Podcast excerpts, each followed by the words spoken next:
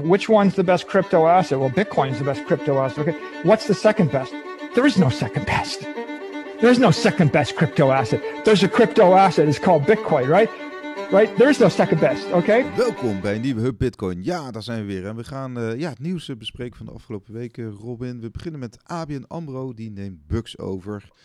Ja, en ook uh, ja, Bucks is ook een aanbieder van cryptomunten. Maar uh, ja, die tak die, die stopt dus. Opvallend nieuws. Ja, ze hebben aan, blijkbaar aandelen, ETF's en uh, verschillende crypto's, onder Bitcoin natuurlijk. En uh, ja. ja. ABN AMRO die neemt heel de, de bugs, of heel de buts over. en, uh, maar de cryptotak die, die wijzen ze eigenlijk af, daar gaan ze niet mee, mee verder. En dat is wel opvallend, vooral omdat ze ook in de communicatie zeggen dat ze onder andere deze overname interessant vonden, omdat ze op zoek zijn naar een jonger klantenbestand. Ja, en op zich is crypto bij uitstek wel ja, 20ers, 30ers, 40ers en ook wel wat 50ers. Die, die, die, dat zijn toch met name de, doel, uh, de leeftijdsgroepen die uh, crypto hebben. Ja, daarom is het echt wel opvallend. Maar ze vinden het uh, blijkbaar nog te vies. Nou kan ik me wel voorstellen dat je, ik weet niet welke tokens en zo ze allemaal hebben. Met de Bitcoin bril opgezien zou je zeggen van, waar begin je niet gewoon met alles uit te kleden, hou je het bij Bitcoin en kijk je hoe dat gaat. Maar zelfs dat zit er ja. niet in. Nee, Bitcoin op zichzelf is misschien ook al uh, gewoon uh, voor hun uh, nog steeds ja, onbekend terrein of zo. Hè? Dus dat, dat is toch opvallend. Dat, ja, onbekend terrein weet ik niet. Want het is wel, al die banken hebben, hebben wel of hebben denktanks gehad rondom crypto, blockchain, weet ik het allemaal. Ja. Dus het is een beetje de vraag. en misschien zit het in de ijskast hè, en wachten ze bij wijze van spreken die Europese regels af. Maar ik denk het niet. Ik verwacht niet dat ABN AMRO dan ineens uh, via bugs uh, allerlei uh, bitcoin dingen gaat aanbieden. Kan me niet voorstellen. Nee, nou ja, ze zijn in ieder geval wat conservatiever dan bijvoorbeeld in Duitsland zie je wel de Commerzbank, zo uit mijn hoofd, die, die wel gewoon bitcoin gaat verkopen. Ja, in Duitsland zie je wel veel banken die, die dat soort diensten aanbieden op verschillende manieren. Maar dan ook niet per se ja. zoals Bugs, zeg maar. Oh nee, dat is ook geen handelsplatform, hè? Dat is ook gewoon met een tussenpartij alleen. Ja, dat is een broker. Ja, een broker, broker inderdaad. Dus uh, nou ja, het is uh, onbekend, uh, van onbekend bedrag zijn ze overgenomen. Bugs is, ja, toch altijd, staat er altijd nog bekend als de koper van Blockport. Dat was zo'n zo'n ICO-project uit Nederland, wat toen ook een aantal miljoenen bij, bij investeerders had opgehaald, maar wat toen compleet geïmplodeerd is. Ja, ze hadden toen ook belegd, door Bugs hadden toen belegd ook met een ether om uh, verliezen terug te pakken ja. of zo. Dat is een heel uh, vaag verhaal. Maar die jongens zijn dus nog steeds onder de pannen nu bij ABN AMRO, denk ik dan. Even een aanname, weet ja, ik ze hadden, niet. Ze hadden nooit echt een goede um, tradingstrategie. Ja. Ze hadden zich nooit echt uh, gewapend tegen een mogelijke dip. Ja, en als je dan eigenlijk, je, ja, eigenlijk waren hun, grotendeels van hun bedrijfsmiddelen waren gewoon verdampt door die 2018 dip. Bucks haalde twee jaar geleden nog uh, 67 miljoen euro op aan investeringen. Ja. En nu uh, is het dus overgenomen. Het was ook, het scheen dus niet winstgevend te zijn afgelopen nee, jaren. ze waren verlies, verlieslatend, zoals dat heet. En, nou, ik denk dat voor, voor ABN AMRO is het gewoon een manier om, uh, om klanten te kopen, denk ik. ik bedoel, ja, ik denk letterlijk gewoon, uh, huppatee, nieuwe klantenbestand erbij. En wie weet ja. wat ze daar mee kunnen. Ja, dan gaan ze al hun, uh, al hun ja, uh, betalen, sparen, hypotheken. Uh, Groen beleggen. Alles, alles, gaan, ze daar, gaan ze daar natuurlijk overheen storten als maar, bank zijnde. Maar bitcoin, nee, nee, nee.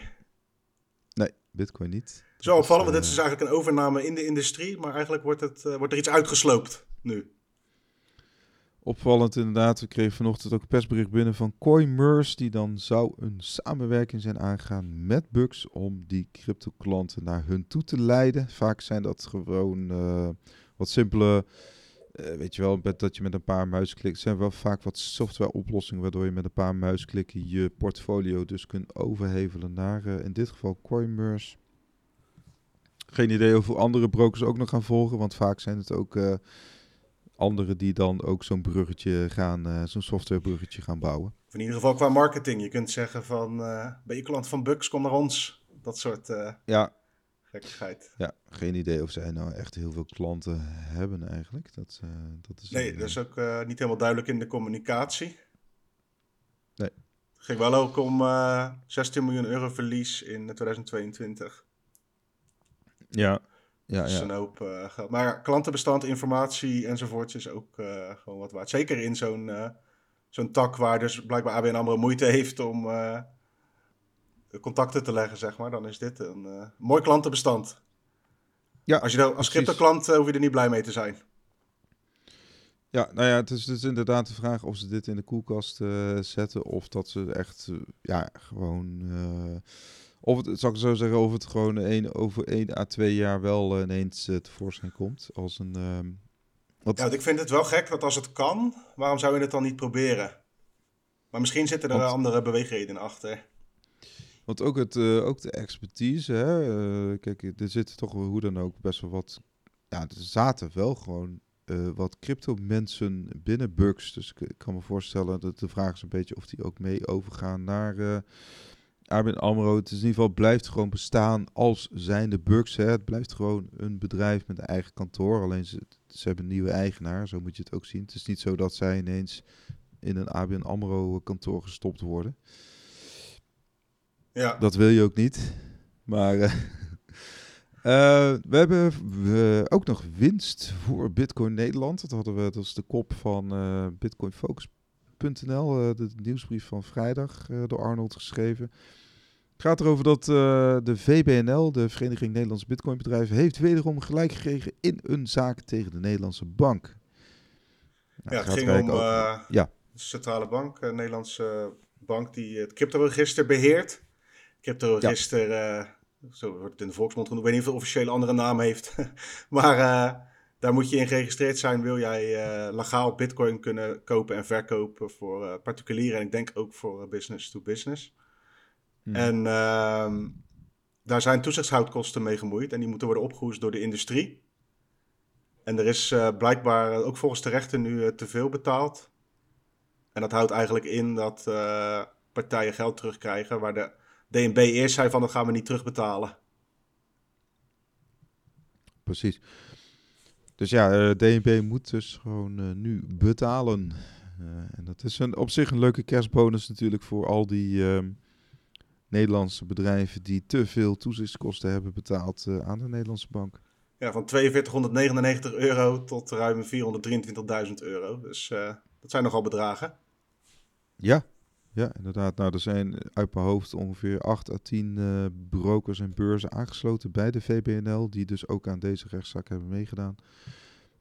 Ja, dat, dat, dat varieert van Bitfavo, Bittonic, maar ik, uh, volgens mij ook uh, Money zag ik. Hè? Ik zag Robert van Bitmy Money ook staan.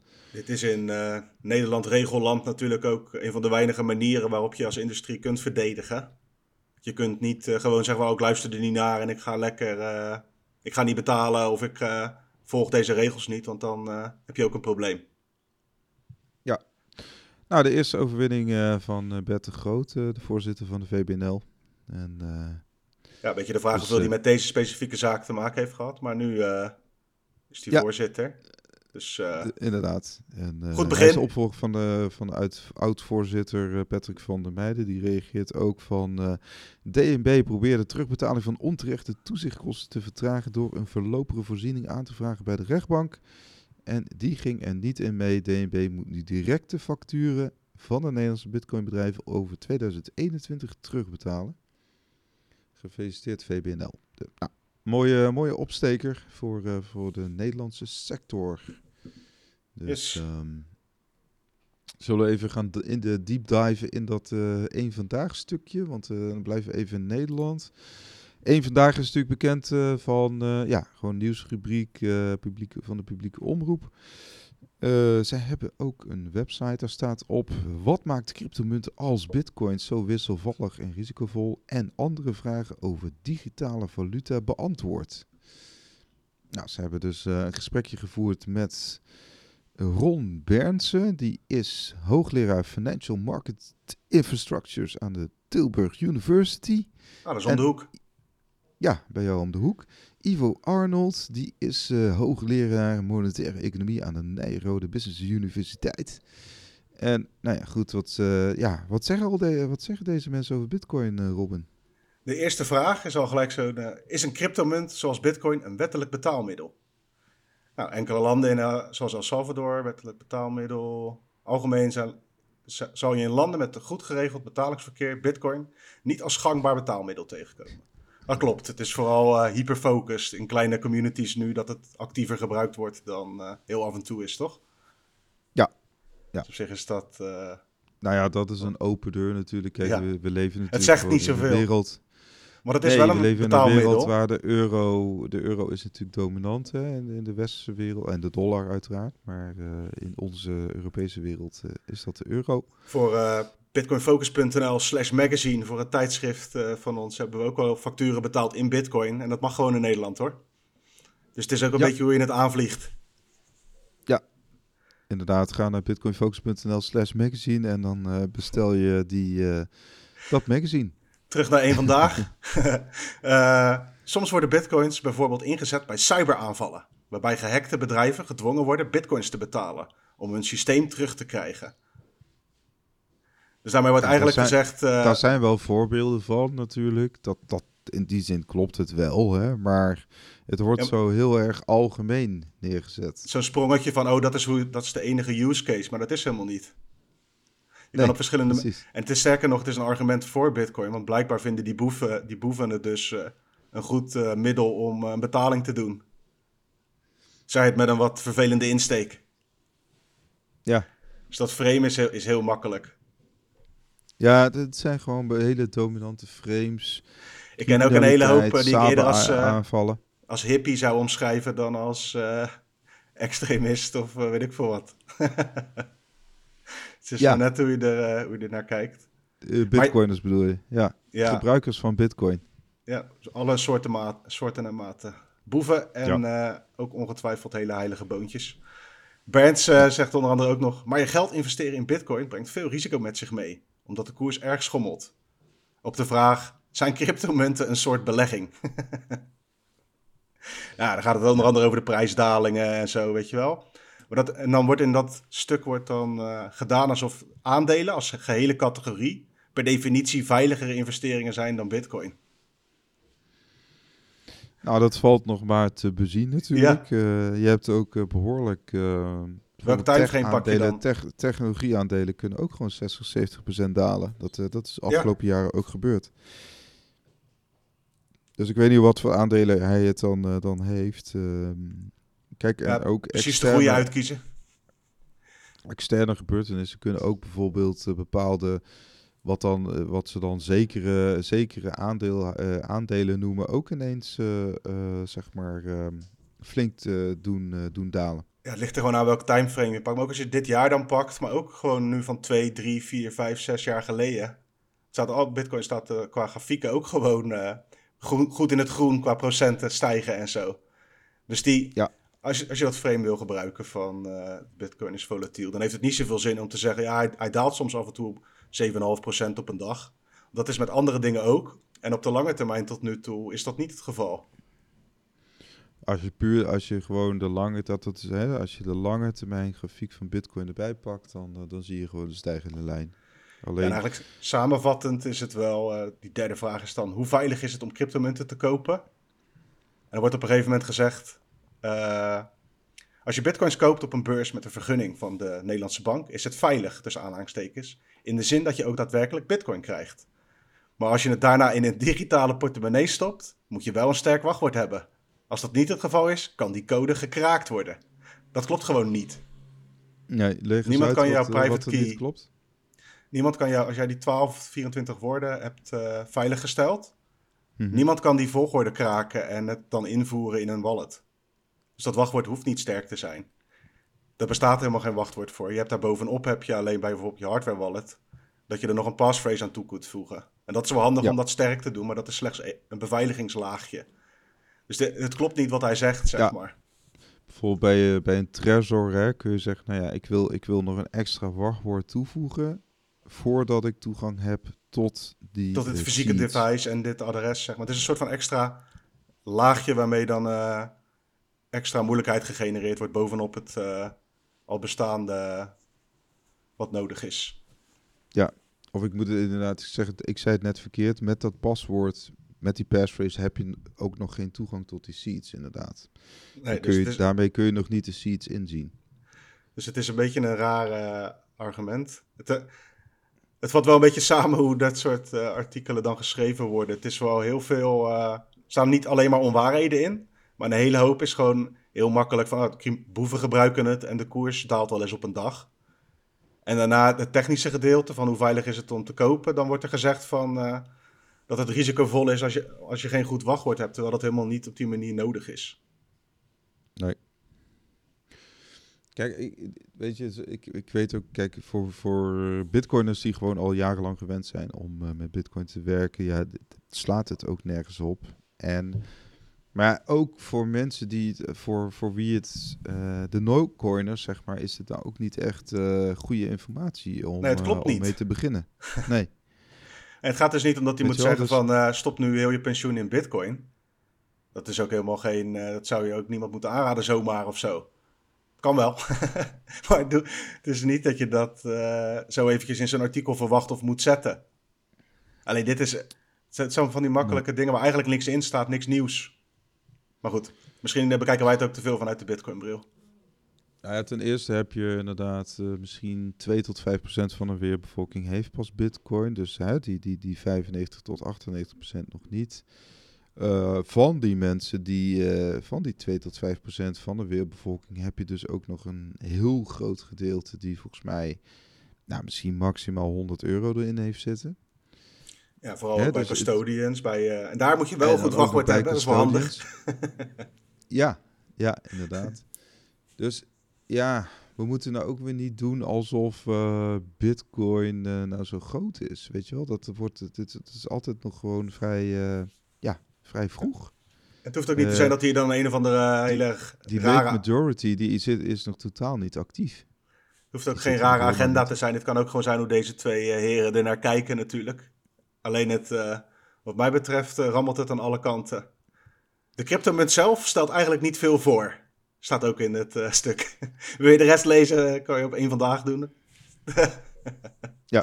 Het is een... Nou, kijk, je hebt altijd sowieso een groep die, die ik denk op geen enkele manier exposure wil tot Bitcoin. Mm. Alleen ik kan me wel voorstellen dat, en die hebben daar allerlei argumenten voor. Nou goed, dan moeten ze uiteindelijk natuurlijk zelf weten. Ik denk wel dat het verandert als je eenmaal dus die Bitcoin ETF hebt. Want dan, dan heb je eigenlijk een soort afgeleid product hè, van Bitcoin.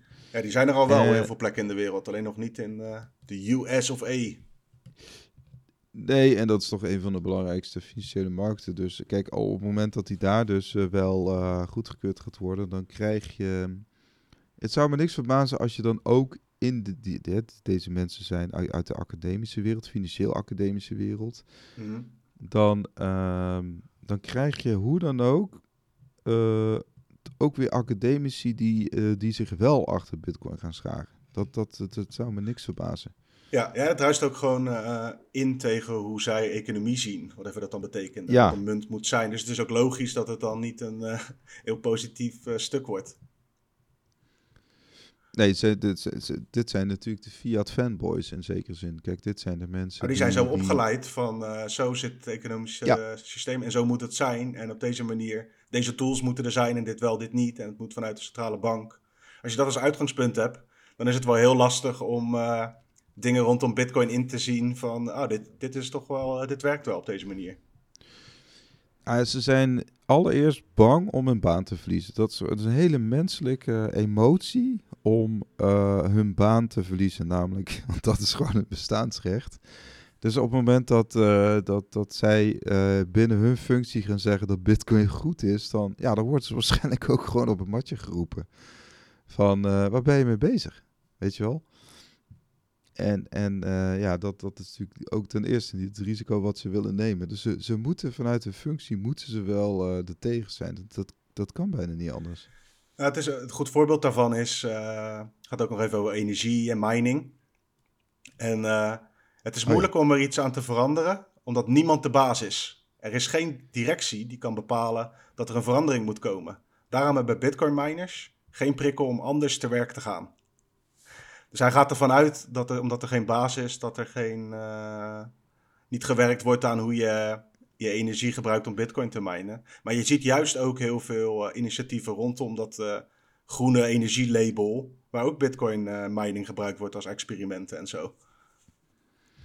Dus het is... Ja, sterker nog, je hebt natuurlijk ook ehm, Kijk, BlackRock zit gewoon een heel veel, uh, heeft gewoon een aandeel, minderheidsaandeel weliswaar, in allerlei Bitcoin mining. Hè? mining of het Marathon is of Riot. Dat, daar, zit, daar zitten ze allemaal in. Ja, dan hoef je er niet uh, mee eens te zijn met dat hele... En zij gaan die groene agenda daar pushen. Dus uh, ja. Larry Fink gaat dat gewoon daar pushen bij ze. Ja. Helemaal als die Bitcoin ETF goedgekeurd wordt dan gaat BlackRock gaat overal verkondigen van uh, koop, hier die, uh, koop hier die Bitcoin ETF. Dat, ja, dat, wie weet dat, verandert die. Maar het hele uitgangspunt is dus, er is geen baas en dat is een probleem. Ja. Ja, en daar denk, daar, uh, denk ik dan anders over. En dat is een beetje het, dat is het verschil van uitgangspunt, denk ik, en heel dat commentaar erop. Als er überhaupt al heel veel moeite voor gedaan is om echt in Bitcoin te duiken, dat weet ik natuurlijk niet. Ja, het gaat er eigenlijk vanuit als je, dat je zonder baas niet productief kan zijn. Maar ja, kijk, het, het, protocol zelf is natuurlijk al uh, productief van zichzelf. In zekere ja, zin. Ja, het, het zijn gewoon al die talking points die je al zo vaak hebt gezien, zeg maar. Een beetje inwisselbaar. Het hadden net zo goed twee andere mensen kunnen zijn. Met hetzelfde verhaal. Ja, ja. Weinig origineels. Kijk, en, en, en nogmaals, uh, ze hebben in die zin kleine stukjes van hun informatie. De, de, de, hè, dus je kunt zeggen, oké, er zijn bepaalde universiteiten geweest, hun systemen lagen plat en ze moesten bitcoins. Die hackers die voeren bitcoins, ja, dat, dat klopt, dat is gewoon een feit. Dus dat, dat, dat, dat, in zekere zin zit er ook wel kloppende informatie tussen. Alleen, het is meer, ze vertellen niet het hele verhaal. Hè? Nee, dus tussen de regels door lees je het uitgangspunt. Ja. En bij ons dat tegenovergestelde, wij doen het met de oranje bitcoin bril. Ja. Ja, wat kunnen wij er tegen, tegen inbrengen? Kijk, ik bedoel, geld... Ja, hoeft ook bitcoin, niet. Nou, bitcoin is geld. Je kunt het altijd gebruiken, of nou de euro dominant is of niet. Je kunt, uh, wij kunnen altijd bitcoin gebruiken. Hè? En ja, maar zij zien dat juist als nadeel, want het kan dan ook gebruikt worden voor, uh, voor andere zaken. Terwijl dat met alle andere betaalsystemen ook gebeurt, op grote schaal. Ja, maar dan moet je bitcoin niet de schuld van geven. Nee. Toch? Ik bedoel, je gaat, uh, dat hebben we al zo vaak gezegd, je gaat Audi of BMW ook geen niet schuld geven eh, als, als criminele vluchten voor de politie. Nee. Uiteindelijk moet je wel het, de, de, de goederen of diensten die ze gebruiken, dat, het gaat erom de dingen die ze doen, dat oké, dat dat, dat mag niet. Ja, want aan die kant wordt ook, uh, dat is heel dat uh, KYC-controleverhaal, zeg maar. Aan die kant wordt ook gewerkt aan allerlei manieren om dat dicht te timmeren. Zodat er meer hmm. controle is. En juist het enige wat het tegenhoudt dat het helemaal uh, ja, verpest wordt, is dat er niemand de baas is en geen pressiemiddel op één uh, specifieke organisatie. Alleen dat wordt dus als nadeel gebracht in dit soort artikelen. Nou ja, kijk, uh, wat, er, wat er natuurlijk wel gaat gebeuren is dat alle bedrijven, en of dat nou uh, financiële bedrijven zijn of technologiebedrijven, hè, zoals Jack Dorsey, uiteindelijk daar, mm. daar werken wel allemaal bazen. Dat zijn wel gewoon bedrijven met kantoren en bazen. En, en dat is voor hun heel herkenbaar dan, want ze kunnen, daar kunnen ze wel wat mee. Uh, nou ja, dat, dat, op zich kun je daar dan ook wel wat mee. We kunnen even een haakje maken naar, uh, naar Tether. Ja. We've onboarded US Secret Service en FBI to our platform. Nou, Tether, uh, wel bekende stablecoin. En uh, ze hebben een uh, uitgebreide brief geschreven naar Amerikaanse senator. En dat is dan ook inzichtelijk voor iedereen. Waarin ze eigenlijk zeggen van... hé, hey, we zijn heel erg, heel erg aan het complyen. Dus heel erg bezig met het onboarden van alle agencies... die het nodig vinden om op het netwerk rond te speuren. Leg spread. En ja, dat is dus een situatie waarin je ziet dat uh, dat nu langzaamaan aan het gebeuren is. Ook dus bij Tether. Dat er uh, al die wetgevende of uitvoerende macht uh, die financiële gegevens willen inzien. Voor van alles en nog wat. Customer policies en allerlei manieren om gegevens op te vragen als zij daar behoefte aan hebben, in wat voor zaak dan ook. Dus in zekere zin, de schaduwbank wordt steeds meer wit gewassen in die zin. Ja, wordt, gewassen. Ja, een beetje schoongespoeld. Schoongewassen. ja. ja. Ja, want wat je dus krijgt is. Uh, Tether is gewoon een groot uh, bezitter van uh, Amerikaanse staatsobligaties. Ja. Dat speelt ook mee. Ja, nee, inderdaad. En ze zijn dus een beetje het smeermiddel tussen heel die, die crypto-industrie altijd geweest. Ook tussen allerlei vage protocollen en zo. Toen was hier ook weer iets misgegaan met Ledger Live, geloof ik was een hacker uh, die had ergens tussen gezeten en die had via Tether zijn eerste buit proberen te versturen. Maar dat was ook bevroren. Precies. Dus uh, ja, zij zijn die kant op aan het mhm. gaan. Ja, ze, ze gaan worden geïnstitutionaliseerd inderdaad. Hè. Ze zeggen ook dat ze samen met de Amerikaanse uh, ministerie van Justitie, de Secret Service en de FBI hebben ze 326 wallets bevroren die 435 miljoen uh, USDT uh, ja, bevatten. Eigenlijk kan, je, eigenlijk kan je zo het rijtje mhm. afgaan, hè? Van uh, Bitmax tot aan FTX. Nou, bij Binance hebben ze nu de CEO ook eruit. En nu staat er the next thing to domesticate. ja, kijk, misschien is dat ook wel een beetje het verhaal van 2023. Dat ehm, ze hebben eigenlijk alle dirt van 2022 hebben ze. Hè? Je hebt Dokwonnes opgepakt. Je hebt natuurlijk Champagne Zhao, die nu ook uh, in februari volgend jaar komt hij ook voor uh, de rechtbank.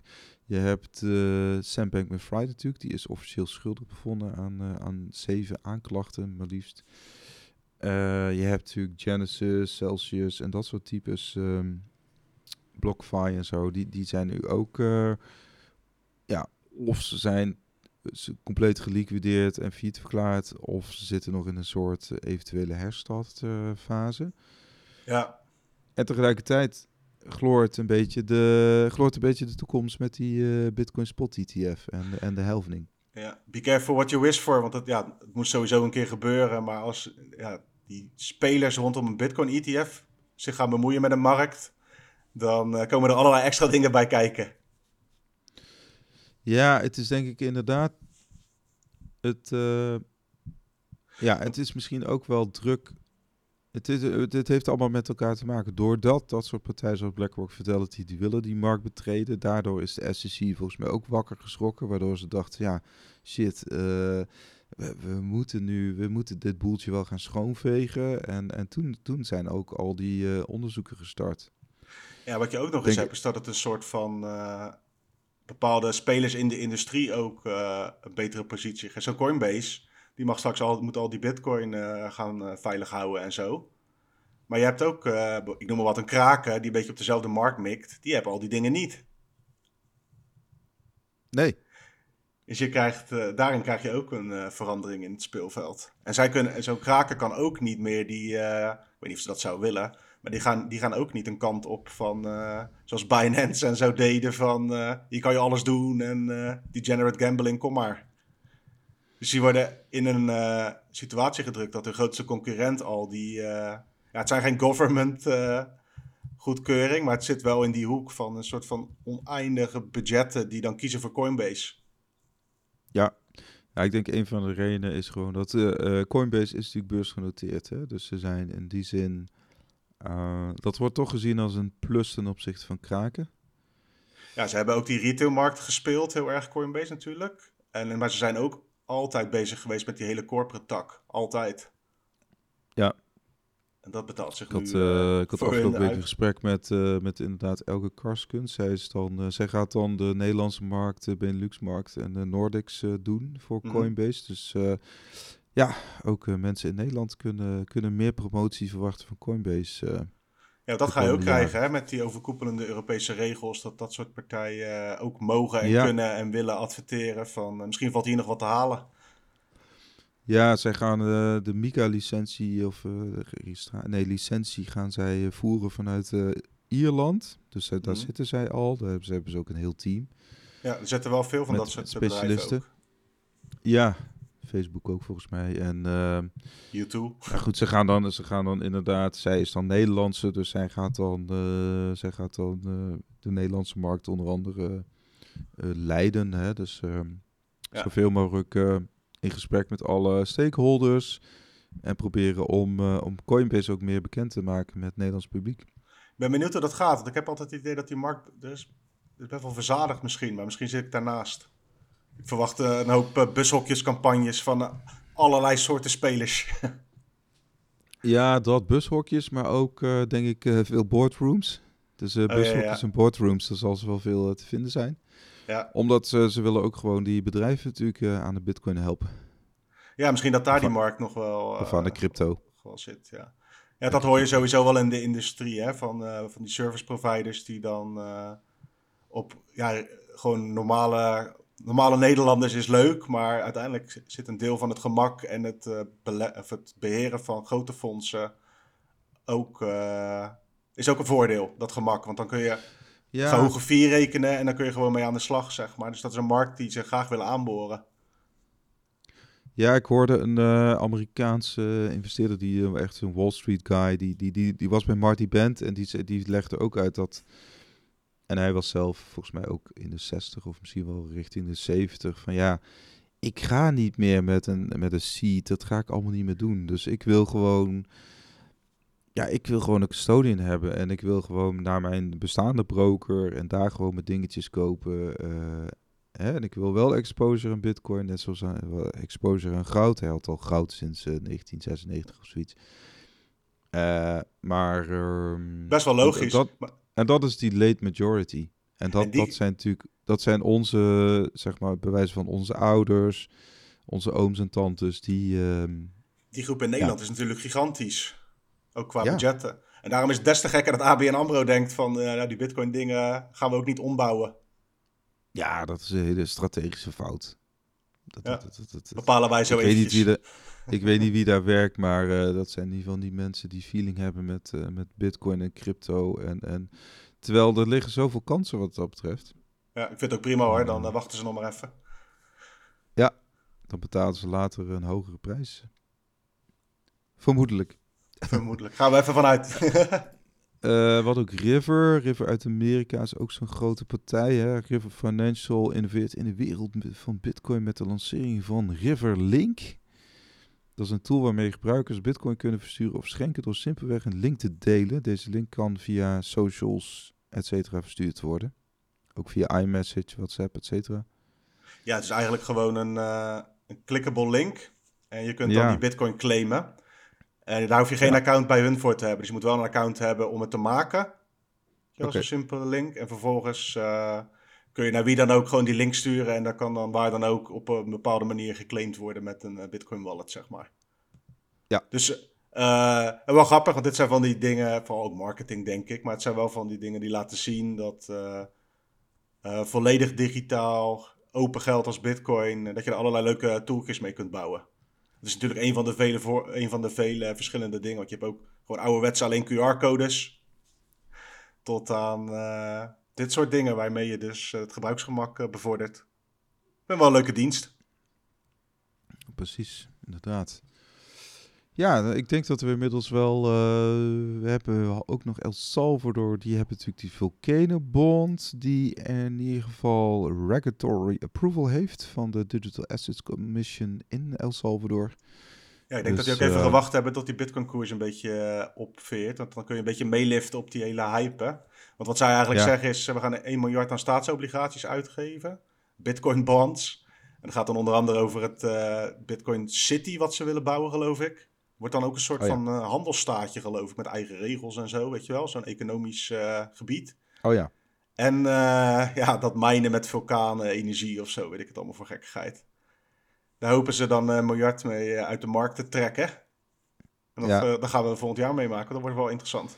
Eerste land die dat op die manier doet. En als ik het goed heb ja, onthouden, gaat er ook een deel daarvan gewoon direct in bitcoin. Oké. Okay. Nou ja, de, ze worden die, die bonds, die obligaties worden in ieder geval uitgegeven door Bitfinex Securities.